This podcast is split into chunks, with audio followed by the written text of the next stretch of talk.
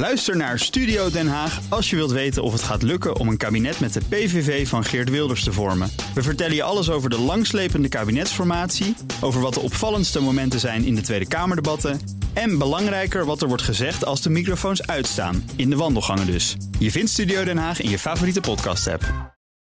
De column van Bernard Hammelburg.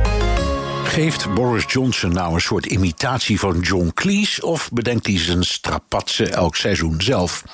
Brexit is natuurlijk heel belangrijk, maar inmiddels zo bespottelijk geworden dat je als luisteraar in de lach schiet.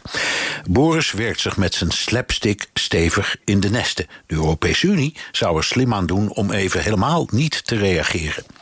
Dat laatste is belangrijk, want wat we niet moeten doen is denken dat zich in de nesten werken hetzelfde is als verliezen. Zoals een goede acteur betaamt, heeft Boris namelijk precies door wat de meerderheid van zijn publiek wil. En dat is een brexit zonder enige concessie. Geen speciale regeling voor Noord-Ierland, geen zeurende Europese douane, geen afhankelijkheid van de EU op welke manier dan ook. Door de al gemaakte scheidingsovereenkomst met de EU op hoofdpunten op te zeggen, handelt hij in strijd met het internationale recht, zoals onder meer vijf oud-premiers hem voorhouden. En de manier waarop oud-Labour-leider Ed Miliband Boris onderuit haalde met de stelling dat de premier zelf geen notie heeft van wat er in de wet staat, was bijzonder vermakelijk, maar het doet er niet toe. Op een paar dissidenten na kreeg Boris bij de eerste stemming in het Lagerhuis bijna alle partijgenoten mee. Formeel betekende dit alleen dat de wetswijziging nu is geagendeerd, dus er volgen nog meer stemmingen. Maar wie denkt dat hij die gaat verliezen, vergist zich.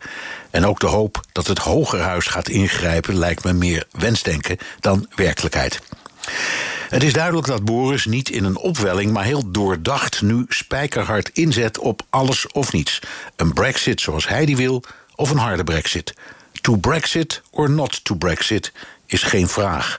Het Verenigd Koninkrijk stapt eruit, ondanks spookbeelden over duizenden vrachtauto's aan de grens, chaos in Schotland, het omvallen van het Goede Vrijdagakkoord met Ierland, een visserijoorlog op de Noordzee. Als hij al Shakespeareaans denkt, dan is zijn variant op Hamlet: er is iets aan het rotten in de staat Europa. Of misschien mompelt hij de laatste zin uit dat drama en de rest is stilte. Daar moeten Van der Leyen, Barnier, Michel en de rest van de EU zich op instellen. Ook Diana Matroos vind je in de BNR-app. Ja, inderdaad. Je kunt live naar mij luisteren tijdens de Big Five. Ook handig in de BNR-app. Breaking nieuwsmeldingen, maar ook het allerlaatste zakelijke nieuws.